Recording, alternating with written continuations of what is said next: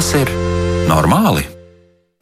Esiet sveicināti! Atkal esam klāt, lai pajautātu, vai tas ir normāli. Un studijā Kristiāna Lapiņa, bet par skaņu rūpējas Rita Karnača.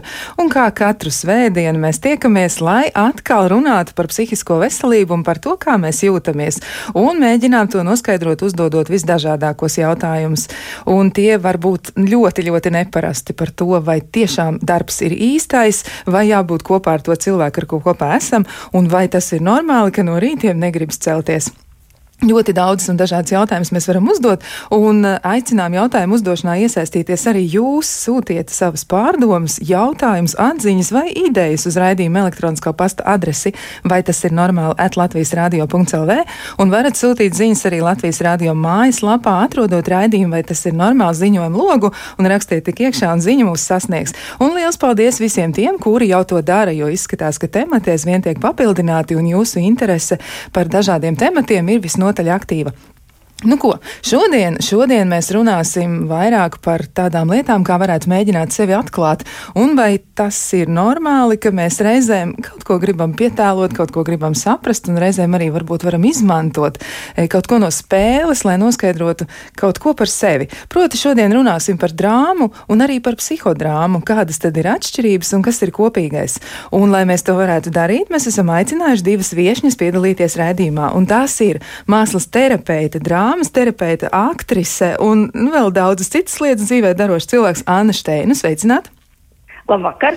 Un vēl esam aicinājuši sarunā piedalīties arī klīnisko psiholoģiju, psihodrāmas terapijas speciālistu Gundagu Kozlovu. Sveicināti! Labvakar. Kaut kas mums tur fonā skan, tur ir vēl kāds, kas grib piedalīties. Tas ir mans suns, tas ir mans suns, kas te fonā grib riet. Līdz ar to es, es, es tagad mēģinu izdomāt, ja es viņu nolikšu citā istabā, viņi noteikti šausmīgi skaļi ries, tā kā es mēģināšu viņu paņemt klēpi un varbūt viņi nomierināsies. nu tad mums būs vesela, vesela komanda un būs arī kāds, kas piedalīsies vēl tā, nu, papildus, bet varbūt pats neko tā diži daudz neteiks, bet lai nu kā būtu, nu ļoti jauki. Tātad mēs esam e, visi visi, visi, un ja visas precīzāk šoreiz tikai dāmas, tā tad esam kopā. Un, uh, Jā, mēs labprāt mēģinātu arī izpētīt, nu kā tad īsti ir. Jūs abas arī pārstāvat katra mazdrusciņu savu rakursu šajā visā, un uh, es gribētu sākt ar tādu ievadu, ka nu, mēs patiešām spēlējamies, un ne tikai būdami bērni, bet arī lielajā dzīvē.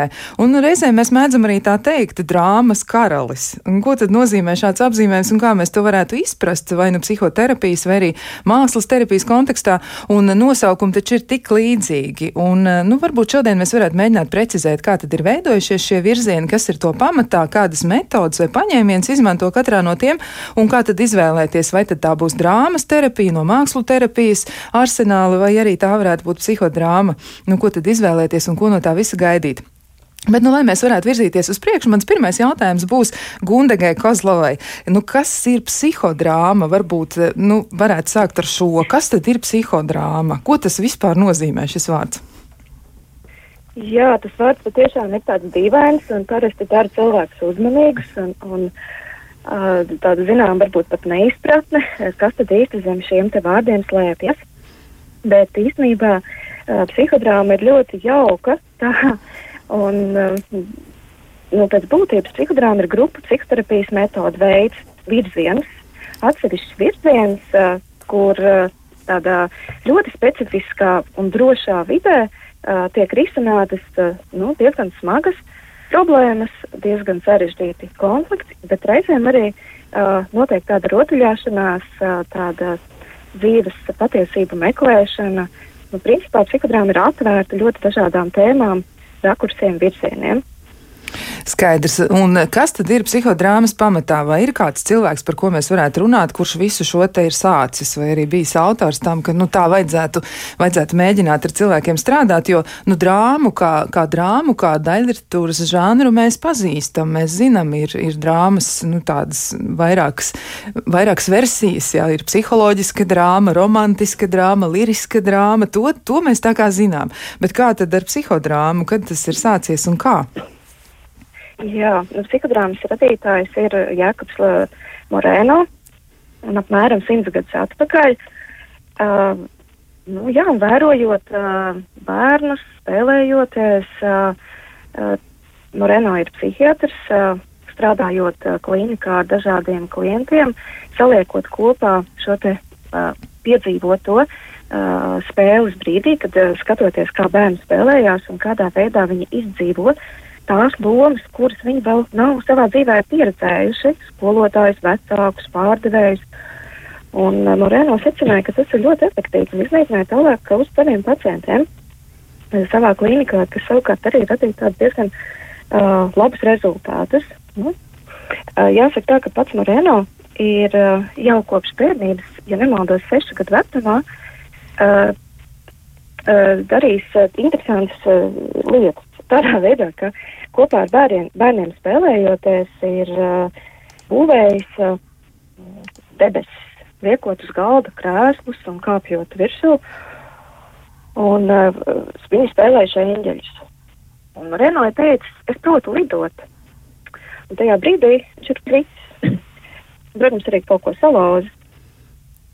Uh, un tā pieredze ir lielā mērā pamatā tālāk šim te, virzī, šim te virzienam, jo Moreno ir nosaucis, ka psihodrāma savā ziņā ir kritušo eņģeļu terapija.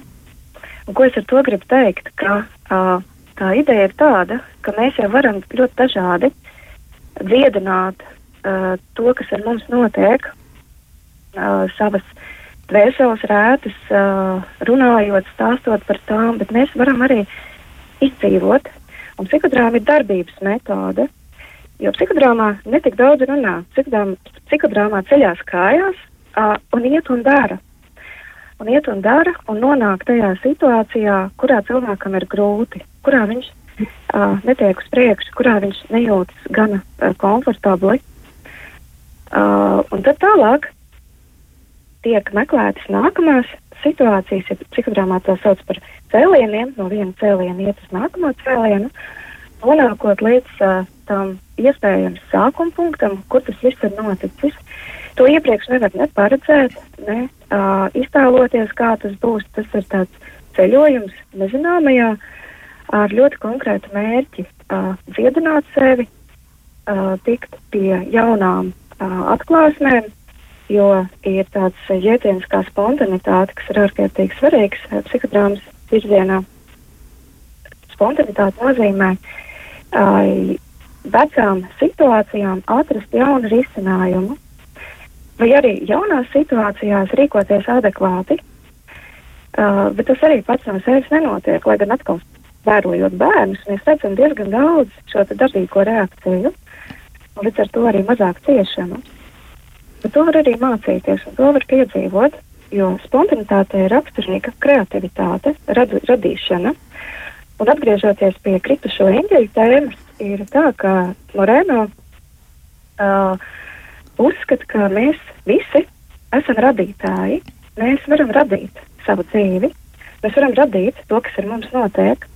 Nē, mēs nevaram atgriezties pagātnē, nevaram izmainīt pagātnes notikumus, bet esot šajā procesā, terapeitiskajā procesā, kopā ar uh, režisoru, jo vadīt terapeitu sauc par režisoru tajā brīdī, un uh, mēs varam iet, iet uz to, uz ko mēs gribam aiziet.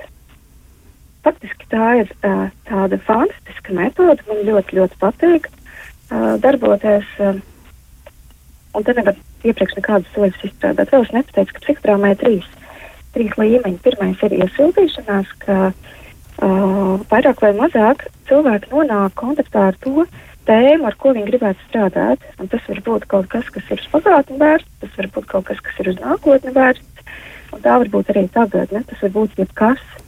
Tā var būt arī uh, tēma, kas nav konkrēti definējama, tā saucamā surplus realitāte, kaut kas ārpus saprotams, uh, principā pilnīgi jebkas var būt kā uh, tēmas formulējums, Tālāk ir uh, pati darbība, kurā notiek konkrētā psihodrāma, tiek izspēlētas lietas ar grupas palīdzību.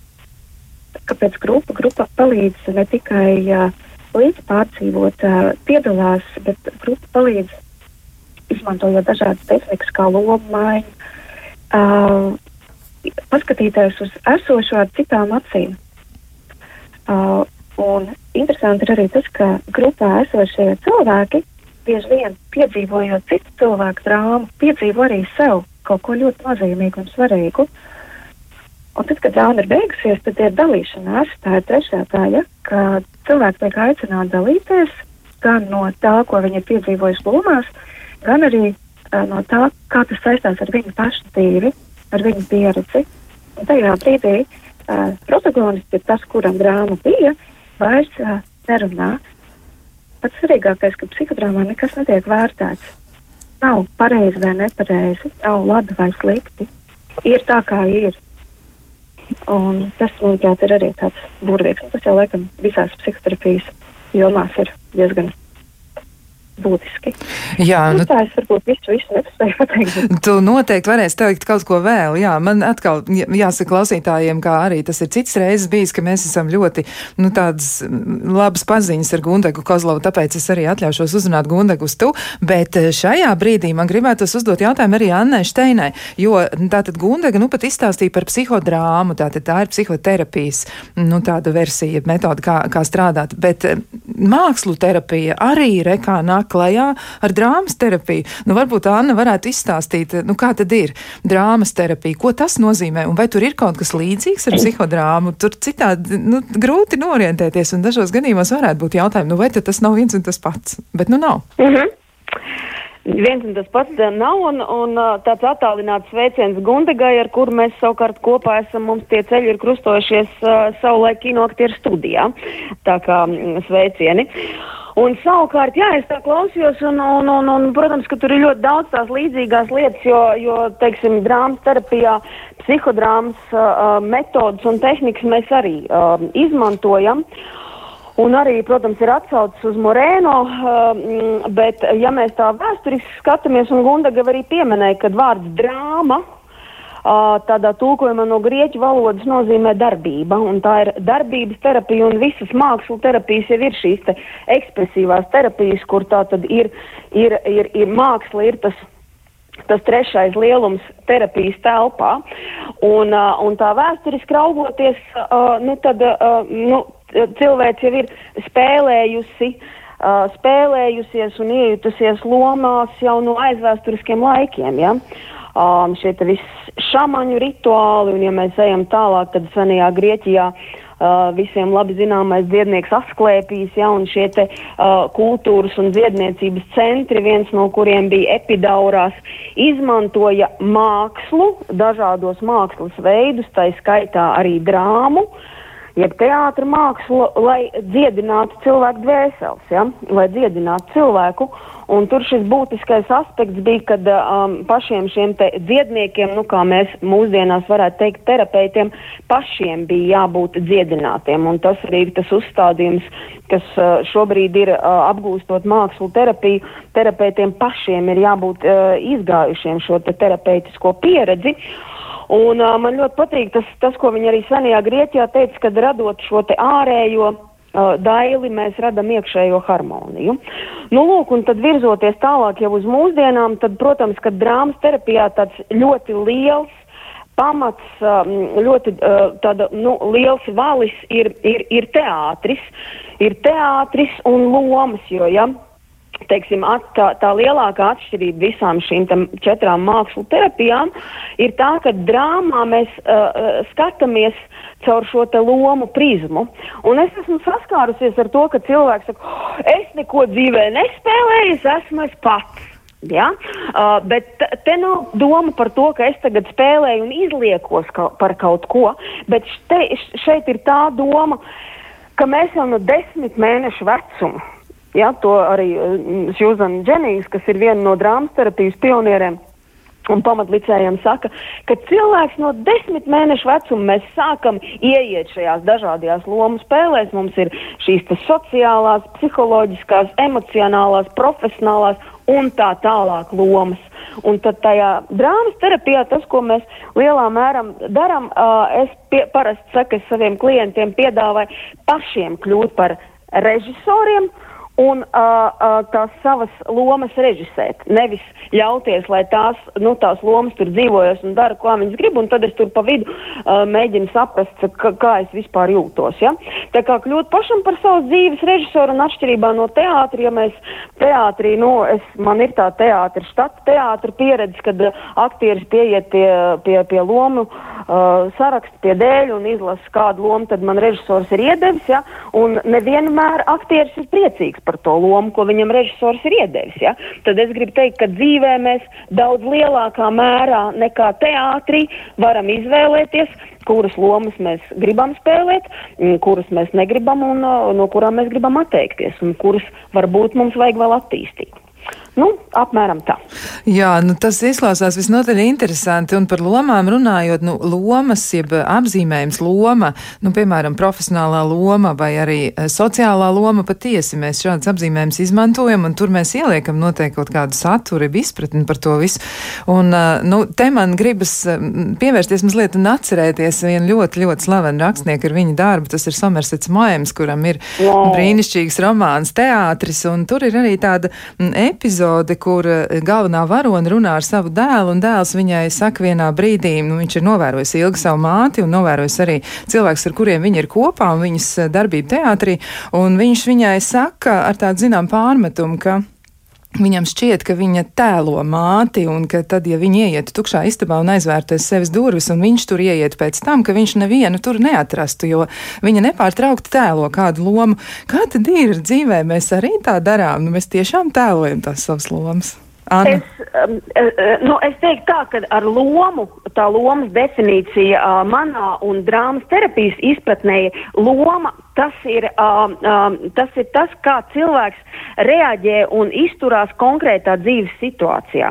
Un tā loma var paredzēt kaut kādus arī uh, rakstiskus priekšrakstus, kā man ir jāuzvedās. Nu, piemēram, ja tas ir saistīts ar profesionālām lomām. Lomām pat var būt apģērbs. Nu, ārstam ir apģērbs policistam ir apģērbs. Ja? Un es parasti, tad, kad es par lomām, teiksim, kaut kādos semināros runāju, es saku, es kā pedagogs izturos daudz savādāk nekā, piemēram, savu mazā brīnišķīgā suņa saimnieks. Un uh, man, uh, starp citu, uh, tas re, romāns teātris un filmu teātris, man, nu, tas ir viens no maniem, viena no manām mīļākām latviešu filmām, bet es um, sāku lasīt arī nesen Latvijā izdoto um, Skorderūdas grāmatu Nemieris, un man ļoti uzrunāja tur viena tāda epizode, kur bija tieši viņš arī salīdzināja šo te dzīvi ar skatuvi. Un man uzrunāja tas, ka atšķirībā no, no, no, no, no dzīves, ja, teātrī aktieris, principā viņam viss ir uzrakstīts priekšā. Nu, tur ir tāda lielāka drošība. Ir, uh, ir skaidrs, ir, ir luga, ir skaidrs, kas man būs jādara. Bet tajā dzīves teātrī, ja, nu, ja mēs caur tādu prizmu skatāmies, mēs jau nevienmēr zinām, uh, kāda, kas būs, ja? kas aiz tā stūra būs, kas man tajā telefona zvanā būs. Un tad ir tas, ko arī Gundaga pieminēja, šī spontanitāte, ja?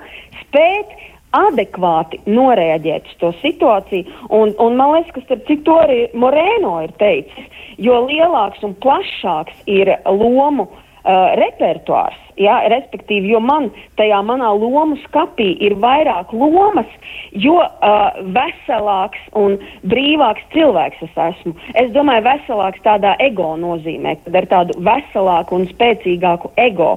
Un jo man ir šaurāks lomu repertuārs, ja, jo es tā kā mazāk viņas izmantoju, ja, jo es esmu daudz rigidāks un es nespēju um, elastīgi reaģēt uz dažādām dzīves situācijām. Es gribu teikt, ka šobrīd šis laiks, kam mēs ejam visi cauri nu jau otro gadu, ja, viņš prasa milzīgu elastību un milzīgu spontanitāti. Nevis impulsivitāti, ja, jo spontanitātei pretēji ir impulsivitāte, kad es impulsīvi reaģēju, un tas var būt bieži, ne, tas var nu, nebūt adekvāti. Ja. Tā kā tā spontanitāte un uh, tas iekšējais veselais radošais bērns jau ir tas, kas ir tas spontānais bērns. Ja? Un tas, ko mēs arī drāmas terapijā bieži darām, mēs nonākam kontaktā ar to radošo bērnu, kas zina tās visas atbildes, ja? kuram patīk izmēģināt visas lomas, ja? um, 5, 6 gadu vecumā. Bērni taču vienkārši uh, visas mājās spēlēšanas, dakteri un tā tālāk, ja?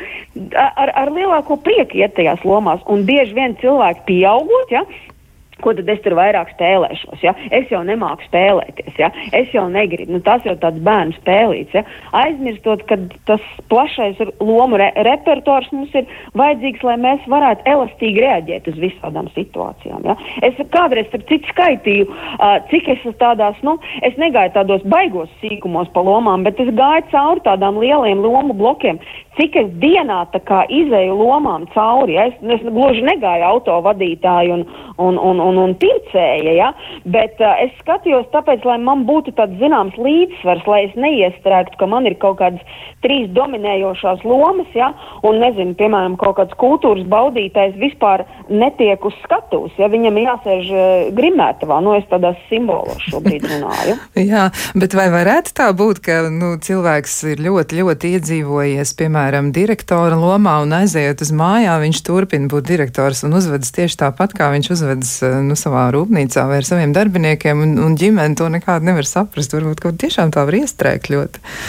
Var, un, un es esmu arī uh, savos semināros, es, nu, ar, arī ar vadošiem uh, nu, darbiniekiem, ja, un viņi arī to atzīst. Nu, protams, ka šobrīd jau tas notiek uh, arvien mazāk, jo viņi arī attīstās, ja, bet tā ir problēma, ja, tā mēdz būt problēma, un, un uh, mm, to, to nu, viņa ģimenes locekļi arī, nu, ja tādās neformālākās sarunās atzīst, ja, un, un es domāju, ka uh, nu, ik viens varbūt, nu, var, nu, es domāju, ka ir cilvēki, kas ir dzirdējuši to frāzi. Tu neesi tagad uh, direktori, ja tu neesi tagad skolotāji, tu tagad esi mana mamma. Ja? Uh, Jā. tā ir tā spēja pārslēgties, tā elastība. Ja? Es no tās vienas lomas izēju laukā, un viss, un tagad es atnāku mājās, un es tagad esmu citā lomā. Ja? Es esmu tagad mamma, es esmu tagad uh, sieva, ja? draudzene, meita un tā tālāk. Ja? Jā, jā, tāda elasticitāte ir nepieciešama. Nu, man te jautājums arī būs Gundegai. Nu, kā tev izskatās, eh, nu, kā tad cilvēkiem veicas ar lomu pārslēgšanu? Arī psihodrāmā noteikti nu, tas pats ir vērojams. Tu arī teici, ja, ka ir tās lomas un loma izpratne, ko cilvēki domā par lomām. Un, un tu arī teici, ka Moreno ceļš uz eh, psihodrāmas eh, veidošanu ir sācies tieši ar to, ka viņš pats ir piedalījies tajās ludziņās un tajos atainojumos. Un, nu, tad mazi bērni reizēm izmēģina pieaugušo cilvēku lomas, bet kā ar, piemēram, pieaugušiem cilvēkiem, kā viņiem veicas ar to lomu īstenošanu? Jā, nu, tieši tā, ka jo mums ir vairāk lomas, jo mēs uh, brīvāk uh, ejam no vienas lomas otrā adekvāta situācijai, jo mēs veselāki, tā varētu teikt. Un pieaugušiem cilvēkiem ir, diemžēl, ir tāds risks iestrēgt, kļūt par savas lomas, par kādas lomas upuri. Un, lai cik tas arī dīvaini neizklausītos, teiksim, tu esi vadītājs, un tu esi iestrēdzis vadītāja lomā, un visur esi vadītājs, bet faktiski tu esi savas lomas upuris tajā brīdī. Tas sastāvs, viss netiek ārā, jo tu redz tikai no šīs lomas, uh, caur šīs lomas filtru, tu skaties uz pasauli, un līdz ar to tā pasaule ir ierobežota tavām acīm. Un uh, psihodrāma ir tāda, tāds veids, kurā uh, loma maiņa ir viena no tehnikām, kur uh, uh, faktiski viena no tādām bāzes tehnikām, kur nepārtraukti mainot lomas, tu iejūties citā ādā, un tu ņem savā lomā kādu un skaties no malas, kā tas ir, un dzirdi no dažādiem rakursiem, un ja vēl tad ir grūti no tās iestrēgšanas atbrīvoties un saredzēt to bildi kopainā, tad ir vēl cita tāda spoguļu tehnika, kad pavisam var uh, atiet nost, no malas skatīties uz sevi dažādās situācijās, pie kam dinamikā tādējādi bagātināt. Parasti ir tā, ka caur to pārdzīvojumu, caur to terapeitisko pārdzīvojumu, uh, arī tāds, tā kā, tādas, tāds klikšķis notiek, un cilvēks, o, oh, jā, izrādās, sāk saprast, sāk sajust, uh, kaut kas notiek, kaut kas aiziet. Kā, tas ir tāds treniņu jautājums un, un gatavība, gatavība būt, uh, būt radošam, ja, jo, kā jau es teicu, tā, tā, tā radītāja loma ir diezgan nu, tāda būtiska, kas caurauž citas lomas, ja, jo radītājs arī ir loma, kā tad es radu kaut kādas lietas, un uh, kā tās lomas savā starpā uh, miedarbojās. Jā, droši vien tas ir eh, ļoti labs veids arī kā izpētīt attiecības. Un kāds ir tavs novērojums? Nu, ja tu domā par tiem cilvēkiem, kuri piedalās psihodrāmas nodarbībās, kāds, kāds ir tavs vērojums, Gundega? Nu, kā, kuriem cilvēkiem ir vieglāk iejusties? Vai, vai ir kādi priekšnosacījumi, kas palīdz? Nu, vai arī tam nav nekādas nozīmes un jums izdodas atraisīt visus? Kā ir? Nu, protams, ka ir dažādi, dažādi cilvēki. Un, un, uh, nu, pirmām kārtām cilvēkam ir jābūt gatavam darboties. Viņam ir jābūt uh, nu, tik gatavam, ka viņš ir gatavs uh, iekļauties grupas procesā, jo tas ir grupas process. Tur nav individualizēta uzmanība visu laiku, atšķirībā no individuālām terapijām. Lai gan psihotrāmai arī ir monodrāma, tur, kur var strādāt viens pret vienu, bet nu, tas mazliet, uh, mazliet ar citu, citu ievirzi ir. Tātad jābūt gatavam darboties grupā, jābūt gatavam uh, dot citam uh, priekšroku, jo arī protagonisti izvēlas grupa uh, pārsvarā, ka ir dažādas šīs tēmas, dažādi cilvēki ar savām tēmām, un nevis uh, pats cilvēks šodien es gribu, šodien man būs, viņš sevi piesaka, bet grupa izvēlas, kuram tiešām būs, lai tas ir arī grupas process.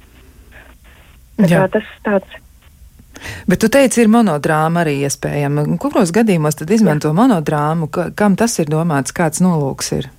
Šādam darbam. Monodrāma ir, ir vairāk tad, ja nav, nav šīs grupas, jo uh, var izmantot, psihodrāmā izmantot dažādas rekvizītas. Ja priekšmeti kļūst par uh, jebko, kas ir nepieciešams.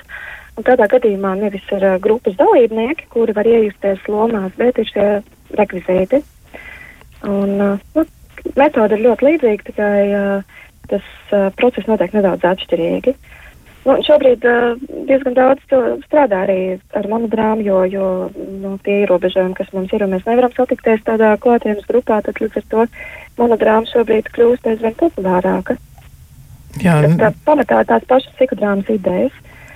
Nu, un vēl, vēl par to, kādi, kādiem cilvēkiem psihodrāma palīdz un kādiem varbūt mazāk palīdz. Uh, Protams, ka tie, kur ir ekstravertāki, kur ir vairāk atvērti, kur ir gatavi runāt un darboties, tiem varbūt arī ātrāk tie procesi notiek, bet tas nenozīmē, ka uz sevi vērstiem cilvēkiem tas tā nebūtu. Galīgi nē, jo tā klātesamība un darbošanās nu, vienmēr ir arī. Uh, nu, tā iekšējā darbība ir tikpat stipra, cik ārējā. Tas ir viss vienlaicīgi. Un vēl es varu teikt, ka tā, pavisam noteikti, ja ir ļoti augsts trauksmes līmenis, tad psihodrāma ir ļoti vēlama, jo tieši tā atraisot, attīstot šo spontanitāti, var piedzīvot katrs un tādā veidā mazināt trauksmi.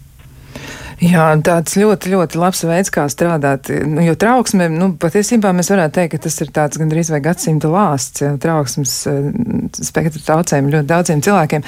Bet uh, patiesi interesanti saruna aizvien izvēršas, un uh, mēs turpināsim sarunu pēc ļoti, ļoti īsa brītiņa, bet burtiski uz dažām sekundēm atvilksim elpu, un tad atkal satiksimies.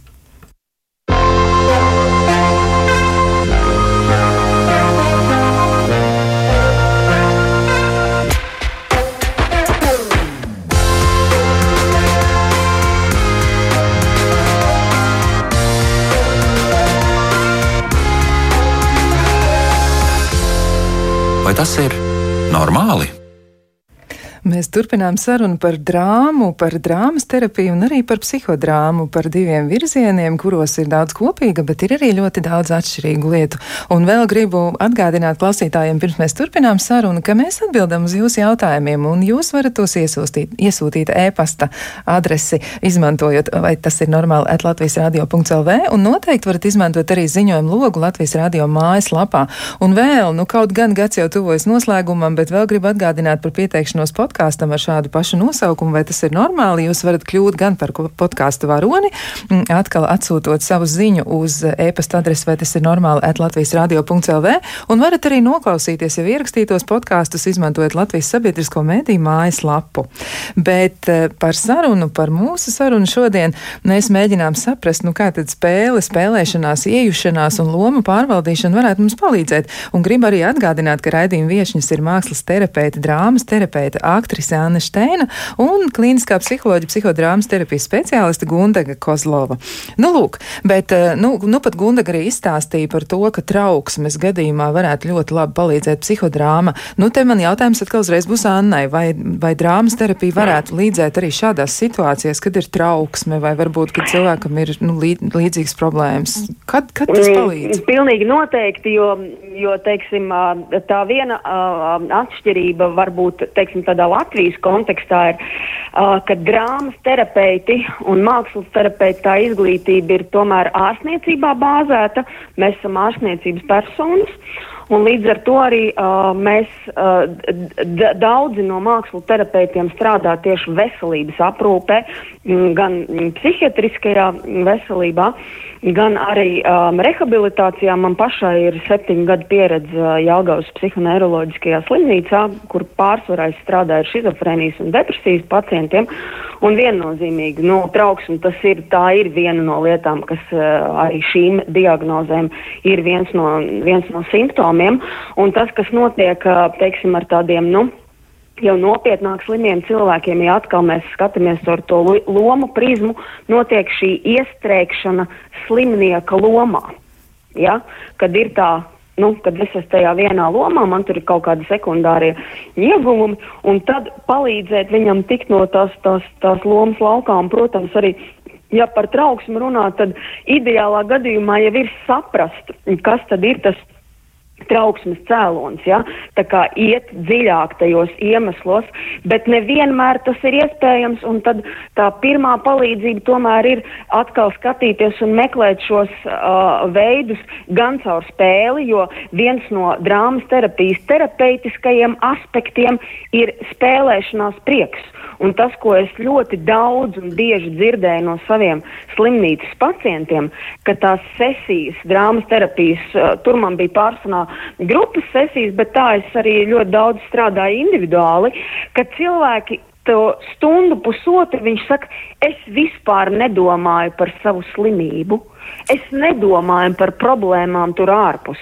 Es biju šeit, es biju šeit, un tagad es darbojos, es guvu prieku. Jo tad, kad cilvēks gūst prieku, tad, kā mēs zinām, fizioloģiski visi orgāni strādā līdzsvarā. Tad mēs varam, esam tajā homostāzes stāvoklī. Tāpēc ir tik būtiski, um, uh, uh, lai mums šīs prieka emocijas ir klātesošas. Un prieku mēs varam gūt tad, kad mums izdodas izdarīt kaut ko jaunu, kad mums izdodas kaut kādu mazo mērķi sasniegt. Ja?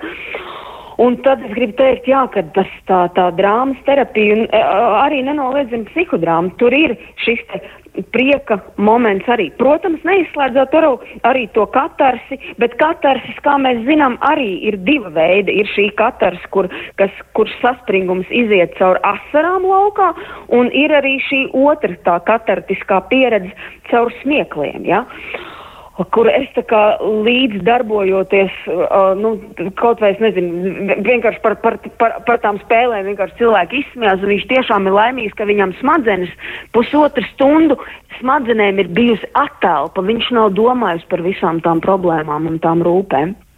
Jā, tas ir milzīgs iegūms piedzīvot prieku, un uh, man gan jāatzīst arī personiski man pašai, man reizēm patīk iesaistīties tādās lomas spēlēs, un, un uh, es kādreiz esmu domājis par to, ka laikam tam īsti tāda robeža nav, ja spējai piedzīvot prieku, bet, um, nu, ir arī komentāri no klausītājiem un uh, ļoti jauki komplimenti. Ļoti pārdoms raisoši tēma jums šovakar, paldies viešņām. Aizdomājos, cik bieži atsakos vai pieņemu ikdienas dzīvē dažādas lomas, varonis, grēkāzes un tā tālāk. Mm -hmm. Ko citi cilvēki man mēģina piešķirt, un kādās lomās es ielieku citus cilvēkus, dažreiz apzināti, un citreiz arī neapzināti. Nu, varbūt jūs abu komentārs par šo, jo tā tiešām ir. Mēs piešķiram sev lomas, un tad mēs tajās arī mēģinām dzīvot, un reizēm citiem cilvēkiem piešķiram lomas. Kā tas process vispār notiek? Un varbūt mēs arī tur varam iestrēgt, un mēs varbūt domāt varam par kādu citu cilvēku, ka viņš ir, nu, es nezinu, viņš ir, viņš ir grēkāzis, jā, un mēs pret viņu tā arī izturamies. Varbūt Anna vispirms un Gundek pēc tam. Jā, jo uh, man šī brīnišķīgs jautājums, brīnišķīgs komentārs, jo principā jau ir tā, ka, uh, nu, piemēram, tā pati grēkāžu loma, kas ļoti bieži notiek, kad, piemēram, skolā uzliek šo grēkāžu lomu, ja, un tad cilvēks kā visu mūžu ar to lomu dzīvo, viņš netiek no viņas vaļā, un tad ir tas jautājums, vai es esmu savu lomu režisors vai režisors ir kāds cits no malas. Ja? Un arī jautājums, vai es esmu kā, um, izvēlējies kaut kādu, nu, piemēram, upura lomu. Ja? Klasiskais kartmanu trīsstūrs, ko visi zina. Ja? Mm, uh, uh, tātad es esmu upuris un es tagad visu laiku būšu tajā upura lomā. Ja? Un tas, ko mēs arī drāmas terapijā ļoti bieži ar saviem klientiem darām, mums ir tāda loma taksonomija, kur no 300 lomām ir samazināts uz 56 lomām. Un tad es piedāvāju, ka cilvēkiem iziet cauri tām lomām, kuras viņiem ir, kuras viņiem ir vieglas, kuras viņiem ir grūtas, no kurām viņi grib atteikties. Ja? Un tad arī parasti raisās tas, ka īstenībā to man kāds ir piedēvējis, to man kāds ir uzliks. Un tas, kas notiekās, kur jau tā problēma rodās, ka mums rodās šie iekšējie lomu konflikti ka mēs, es nejūtos īpaši labi, bet es īsti nesaprotu, kas tur ir par iemeslu. Un tad es saku, vajag to iekšējo skatuvīti izcelt laukā. Un es pateikšu, varbūt, tad, varbūt tas palīdzēs labāk saprast to piemēru, ko es ar to domāju. Nu, man, piemēram, reizēm ir jāceļās agri no rīta sestdienās un jāiet uz Stradiņu universitāti lasīt studentiem lekcijas. Un man ļoti nepatīk celties. Es esmu tāds, kam patīk ļoti ilgi gulēt. Un tad man tā pasniedzēja loma, tā profesionālā, ir konfliktā ar to gulētāju. Jo tas gulētājs grib gulēt, bet tam pasniedzējiem jāiet. Un rodās iekšējs konflikts, ja man rodās iekšēji tāds nemieris. Un tad man ir jāņem palīdzīgā mans tas uh, veselais pieaugušais, kurš saka, mīļie draugi, tagad daram tā. Šodien mēs ceļamies un ejam darīt to, ko pasniedzējiem ir jādara, bet rītdien gulētājs varēs gulēt, cik ilgi grib. Es nelikšu modinātāju. Ja? Respektīvi, es pats to konfliktu atrisinu. Nevis ļauj tām lomām tur iekšā dzīvoties, jo, kā mēs zinām, ja a, aktieriem nedau, nedod, ne, neļauj izpausties, ja, tad nu, mums ir viens brīnišķīgs teātris, Dailas teātris, kur paši aktieri arī atzīst, ka, viņi, ka tā ir tāda tradīcija, ka tad, kā aktieriem kā, kādam dod pa daudz darbu un kādam pa maz liek sēdēt grimētavā, tad viņi nomet galveno režisoru. Un tā, ja mēs tā iedomājamies, ka mums tāds dailes teātris ir mums iekšā, tad mums ir jābūt tam gudrajam uh, režisoram, ja, galvenajam, kurš saprot, kurā mirklī vienai lomai, piemēram, nu, varbūt ir kaut kāda profesionālā loma, kurai tiešām ir ļoti daudz jābūt. Nu, viņa ir premjeras, viņa ir visu laiku skatus, bet viņai ir jāiedod kaut kāda attēlpa. Nu, Pretējā gadījumā tas premjeras vienreiz lūzīs. Jā, tā, nu, tā, ir. tā, jā.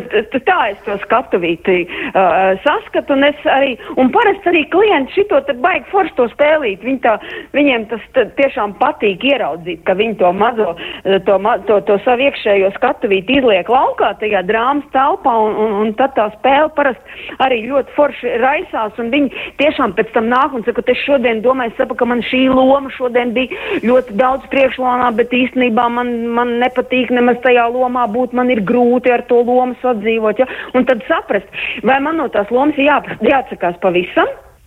Nu, piemēram, tā pati upuru loma. Nu, visas ne, nebūšu, es nebūšu vairāk upurs. Tas cilvēks tajā terapijā saprot arī tās ķermeniskās izpausmes, jo mums katrai lomai, es saprotu, ka es garu runāju, es tūlņās beigšu, bet mums katrai, lomai, mums, mums katrai lomai ir arī ķermeniskā izpausme. Ja? Nu, piemēram, es uh, drīkstam tādu eksperimentu uztaisīt. Nu, mēģinām, varbūt izdosies. Ja? Uh, jūs, uh, tie, kas klausās, dariet līdzi, jūs Gunda gara varat darīt līdzi. Labi, ja? labi, jā. Tagad vienkārši apsēdieties uh, uh, krēslā, nolieciet plecus uz leju, nolieciet galvu, nokariet uz leju, savelciet kājas tādā krustā, rokas salieciet čokurā. Vienkārši apsēžties, ja? Nofiksēt. Un mēģiniet iedot pirmo uh, lomu, kas jums nāk prātā. Kas šitā varētu būt pa lomu? Iedodiet to nosaukumu. Nu, klausīt, nu, te... klausītāji nu, noteikti jau domā pie sevis, jā, bet, nu, prātā jā. nāk, jā, tāds, nu, tas pats upuris, jā, vai, vai tāds upurs, vainīgais. Okay, okay. Ok, labi, labi. Un tagad nākamais uh, apsēdieties taisnām mugurām, noliek abas kājas stabili uz grīdas. Ja? Uh, taisna mugura, ja, um, paceļ tā kā zodu drustīt uz augšu un vienkārši skatās tā taisni pāri, ja, tad, tad skatienu var drustīt uz augšu, pavirzīt, ja, un apsēžas un sajūt, kā tur ir, un arī iedod vienu nosaukumu tai lomai. Jā, nu, laimīgs cilvēks. Pašpārliecināts. Redz, redz, katrai lomai mēs varam dabūt to ķermenisko izpausmi. Un tad, kad mēs sākam atpazīt, ja, jo kas tad ir tā, to terapija viens no galvenajiem virsuzdevumiem? Sākt apzināties. Jo tikai tad, kad es esmu apzinājies, es varu kaut ko mainīt. Kamēr es neapzinos, es neko nevaru mainīt. Kamēr es automātiski šitās ķermeņa pozas ieņemu, ja, nekas tur nenotiksies. Ir jāsāk apzināties. Lūk, tā. Jā, tā ir. Tā ir. Tiešām tā apzināšanās noteikti palīdz. Nu, varbūt Gundegai arī ir komentārs par to, kā tas ir, jo tiešām tā loma pieņemšana vai iedzīvošanās tajās lomās un tāda iestrēgšana arī, kā tu teici, ja, ka tā ir tāda, ko laikam ir grūti ieraudzīt pašam. Un tad, eh, nu, šāda veida vingrinājumi varētu arī palīdzēt sajusties kaut kā citādi un ieraudzīt šīs sakarības. Bet kā tu varētu komentēt arī to, ko, to, ko klausītāji saka, nu, par to mm, ikdienas uh, dzīves lomu pieņemšanu? Jā, un citi cilvēki arī mums tās lomas tiešām piešķir reizē. Viņi saka, nu, tur tas cilvēks tāds augstprātīgs, viņš tāds lecīgs, vai arī tieši otrādi. Ja, nu, tas jau vienmēr tāds, tur, tāds padevīgs, un visur viņi var sarunāt, un beigās varbūt izrādās, ka nemaz tā nav. Kā ir ar to lomu piešķiršanu, piedēvēšanu pašiem Jā. sev un citiem? Paldies par jautājumu. Jautājums patiešām būtisks un pilnībā pievienojos to, ko teica, tam, ko teica Anna. Un, uh, tas, ko es gribētu varbūt tā vēl īpaši izcelt, kas arī ir tāds viens no terapijas tādiem paralēliem uh, mērķiem, ir, ka mums ir jāsaprot vai jāapzinās, kā tad mēs esam iemācījušies šo savu dzīvi dzīvot. Un tā jocīgi varbūt tagad tas izklausījās. Tad, principā, atpazīt tos algoritmus, kurus mēs esam apguvuši savā dzīves laikā, visvairāk jau droši vien bērnības situācijās, bet arī tālākā dzīvē, atpazīt tos algoritmus, kā mēs domājam, uh, kādā veidā mēs reaģējam, kādā veidā mēs pieņemam lēmumus. Un tad, eh, tad jau arī izkristalizējās tās lomas, kuras tad ir tās, kurām, nu, kuras tā kā biežāk pozicionējās tajā mūsu ceļā. Jo tas jāskatās tā sistēmiski, tā, tā kā no, no augšas, uh, un jāieraug šis kopējais algoritms. Un tad arī ieraudzīsies, ka mēs noteiktiem cilvēkiem piešķiram noteikts lomas, bet paši nonākam uh, noteiktās situācijās, noteiktās lomās, un tam ir tendence atkārtoties.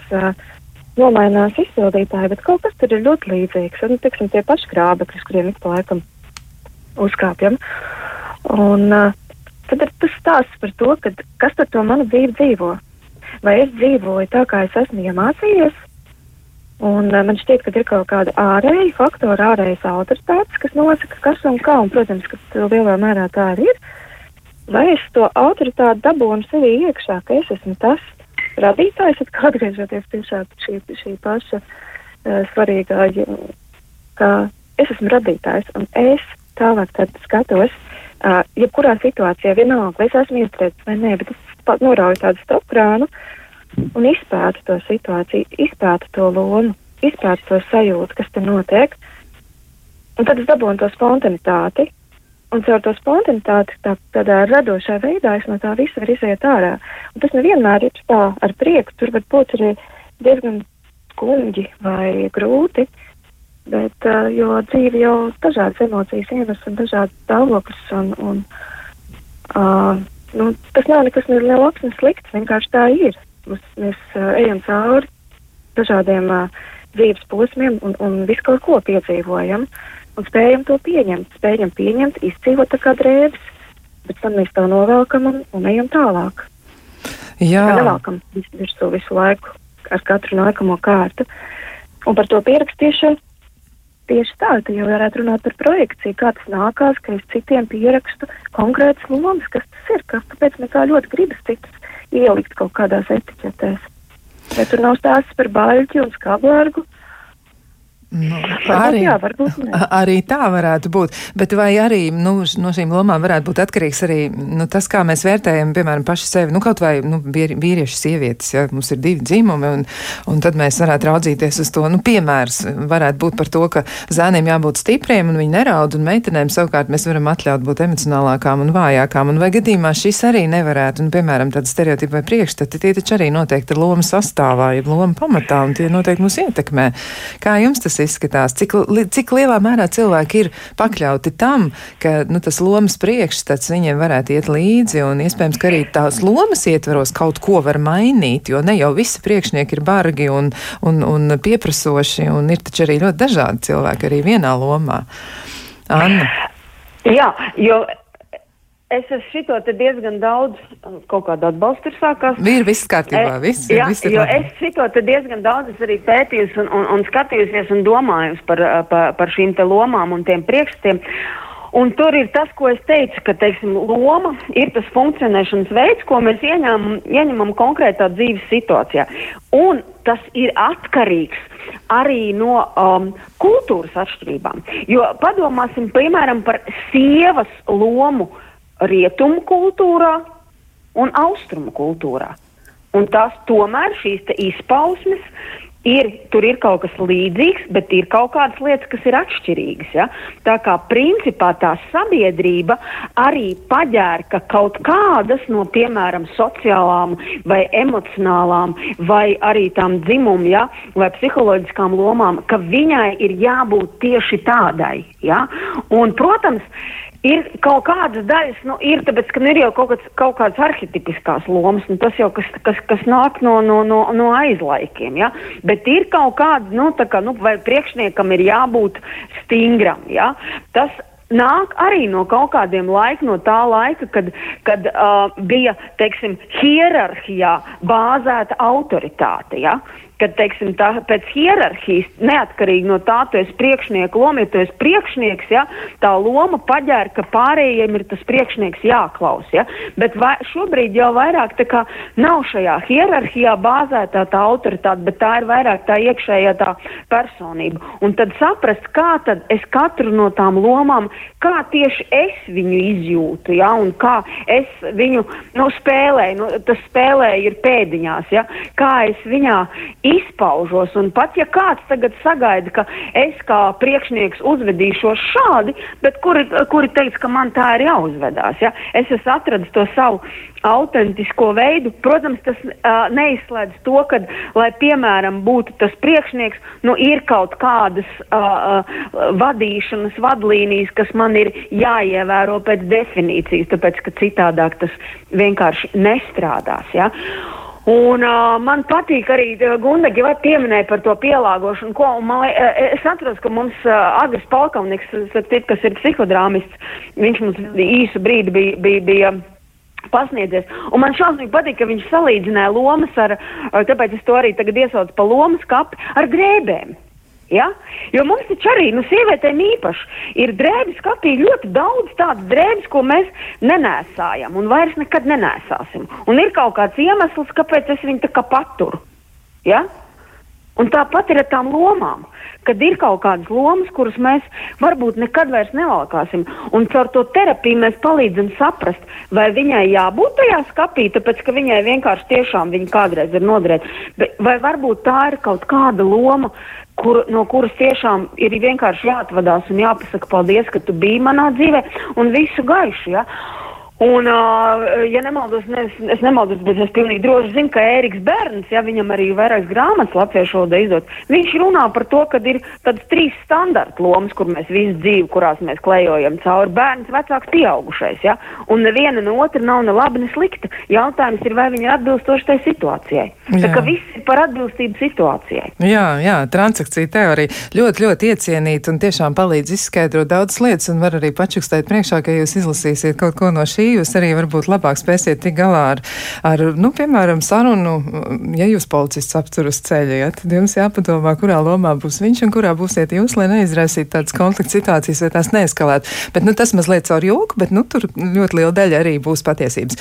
Bet, um, jā, starp citu, ir iesūtīts arī, viens no klausītājiem ir iesūtījis arī atbildes, jā, manas atbildes uz Annas vingrinājumu pozu jautājumiem, ja pirmajā mm. gadījumā bija embrijs, jā, oh. un otrajā mm -hmm. gadījumā bija Šarlīze Terona. Ja? Nu, tiešām mm. pleci augšā, ja? un zots pacelts, un Šarlīze Terona, protams, ārkārtīgi krāšņa sieviete, absolūti brīnišķīga. Bet, eh, nu, noslēdzot pamazām. Mūsu saruna virzoties uz sarunas beigām, varbūt jūs varētu arī iezīmēt nu, to problēmu lauku, ko tad var risināt ar psihodrāmu un arī ar drāmas terapiju. Un varbūt mēs varam darīt tā, ka Gundaga mēģina noformulēt, ko tad var darīt ar psihodrāmu, tātad kādas problēmas var risināt, un Anna tad no savas puses noteikti arī varēs uh, piebilst, ko tad var darīt mm -hmm. ar drāmas terapiju. Nu tad, lai klausītājiem ir skaidrs, tātad vispirms psihodrāma, ko tad mēs risinām? Nu, man jau šķiet, ka uh, gandrīz jebko. Gandrīz jebko. Uh, jebko. Tie var būt uh, konflikti, tās ir tie var tātad atti, attiecīgi kādi sanežģījumi. Tā var būt nesaskaņas starp paudzēm vai, vai tāda uh, grūta sarunāšanās paudžu starpā. Tas var būt, uh, tās var būt arī fiziskas sāpes, uh, kurām nav īsti saprotams iemesls, un tad satikties arī ar savām fiziskām stāvēm uz psihodrāmas skatuves. Un, aiziet līdz kaut kādam rezultātam. Tas var būt arī nenotikusī laime, ja teiksim, tikt kādā veidā uh, dabūt šo dzīves garšu, ja kā iemācīties priecāties. Man, godīgi sakot, ir ļoti grūti iedomāties, kura būtu tā tēma, kura nevarētu psihodrāmā skatīties. Nu, vēl viens jautājums arī. Jā, nu, tu jau arī nosauc ļoti daudz, tiešām, un arī amplitūda ir milzīga, nu, laikam taču visa dzīve, bet varbūt tu vari arī precizēt vecumu, no, no kura psihodrāmā varētu iesaistīties. Un, protams, līdz sirmam vecumam droši vien arī cilvēki ļoti cienījumos gados to var darīt, bet kad tad būtu tas ātrākais, kā tev pašai liekas? Nu, ir, ir pieaugušo grupas un ir bērnu grupas, mm -hmm. un ir mhm. pusauģu grupas. Tā kā mazliet atšķirsies veids vai valoda, kādā komunicē ar šīm grupām, ir principā ar jebkuru vecumu. Nu, ar zīdaiņiem es pieļauju, ka visticamāk, ka nē. Kaut arī bērnam ir jābūt gatavam. Protams, ka arī bērnu grupās nav tādas, nu, tāda apzināšanās procesa kā pieaugušo grupās, bet tur ir citas lietas. Ja tur, tiksim, bērns ar to spēli izspēlē, pirmkārt viņš mācās pasaules spēli, un otrkārt viņš arī sevi dziedina. Spēlējoties, tāpēc tas, tas, ko vecākiem pavisam noteikti var ļaut saviem bērniem darīt, ļaut šo iespēju spēlēties, jo viņi sevi dziedina.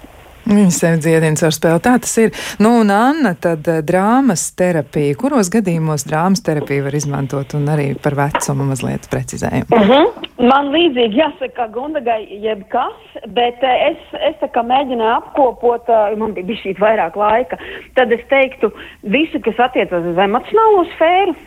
Un uh, visu, kas attiecās uz attiecībām, un uz attiecībām gan uh, ar, ar sevi, attiecības ar sevi. Ja? Tā saruna ar sevi, gan ar attiecībām, uh, nu, vai tas ir partnerattiecības, vai tās ir mm, kolēģiālas attiecības, vai tās ir uh, uh, vecāka attiecības un tā tālāk. Tātad emocijas un attiecības tie būtu tie divi lielie bloki, kuras teikt, ka tas, ka tas var attiekties uz jebkuriem cilvēkiem, nu tā teiksim, neirotiskiem, kam nav nekādas saslimšanas. Ja? Un savukārt, ja mēs runājam jau par tādām nu, saslimšanām, ja par tādām diagnožu grupām, tad es arī teiktu, ka uz ļoti lielu, uh, plašu spektru uh, somatiskām un arī psihiskām, jeb psihiatriskām saslimšanām, ja, kur uh, apakšā tātad šie sekundārie simptomātika būtu saistīta ar emocijām, un gandrīz visām uh, diagnozēm apakšā būs arī šī emocionālais fons, ja, šī te, um, emocionālā plāksne. Ja, un ļoti lielai daļai uh, diagnožu arī šīs attiecības ir tās, kas izraisa šo emocionālo diskomfortu. Ja, un tad drāmas terapija, kas var strādāt jau dažādām diagnožu grupām jau iedarbojoties uz šiem sekundāriem mērķiem. Un, ja mēs runājam par vecumiem, tad nu, parasti mēs sakām tā, ka bērniem no, tāda, no tāda verbāla vec, vecuma, respektīvi, kad viņi var sākt verbalizēt. Principā ir, protams, arī kaut kādas mm, metodas un iespējas darboties arī ar neverbāliem bērniem, bet tur es teiktu, ka tur noteikti ir labāka deju kustība terapija vai mūzikas vai mākslas terapija, kur nav tik svarīga tomēr tā verbāla apzināšana apzināšanās. Ja? Tā kā sākot no tā uh, verbālā vecuma, līdz sirmam vecumam. Ja? Tur, tur, tur tiešām vairs nav nekāda mm, vecuma ierobežojuma. Ja? Tā kā ķeramies Tā kā... tik klāt. Jā, jā nu ko, jā. Nu, es saku paldies abām ekspertēm raidījumu viešņām, gan mākslas terapeitei, drāmas terapeitei un aktrisei Annai Steinai, gan arī klīniskai psiholoģijai un psihodrāmas terapijas speciālistei Gundai Kozlovai, Gundagai Kozlovai. Un eh, noteikti arī gribu aicināt klausītājus, nu, izvēlieties paši, ko tad jūs varētu apmeklēt, bet mēģiniet, jo tas patiesi ir ārkārtīgi aizraujoši. Tas tiešām ir interesanti, un tas atdzīvinās jūsos, jūsu snaudošo spontāno bērnu, kuram ir jāļauj priecāties. Nu ko, kopā ar jums bija Kristiāna Lapiņa, bet par skaņu šovakar rūpējās Rīta Kārnača, un mēs savukārt tiksimies pēc nedēļas, un tad atkal mēs jautāsim, vai tas ir normāli, un mums jau ir nākamais jautājums kabatā. Lai jauka nedēļa!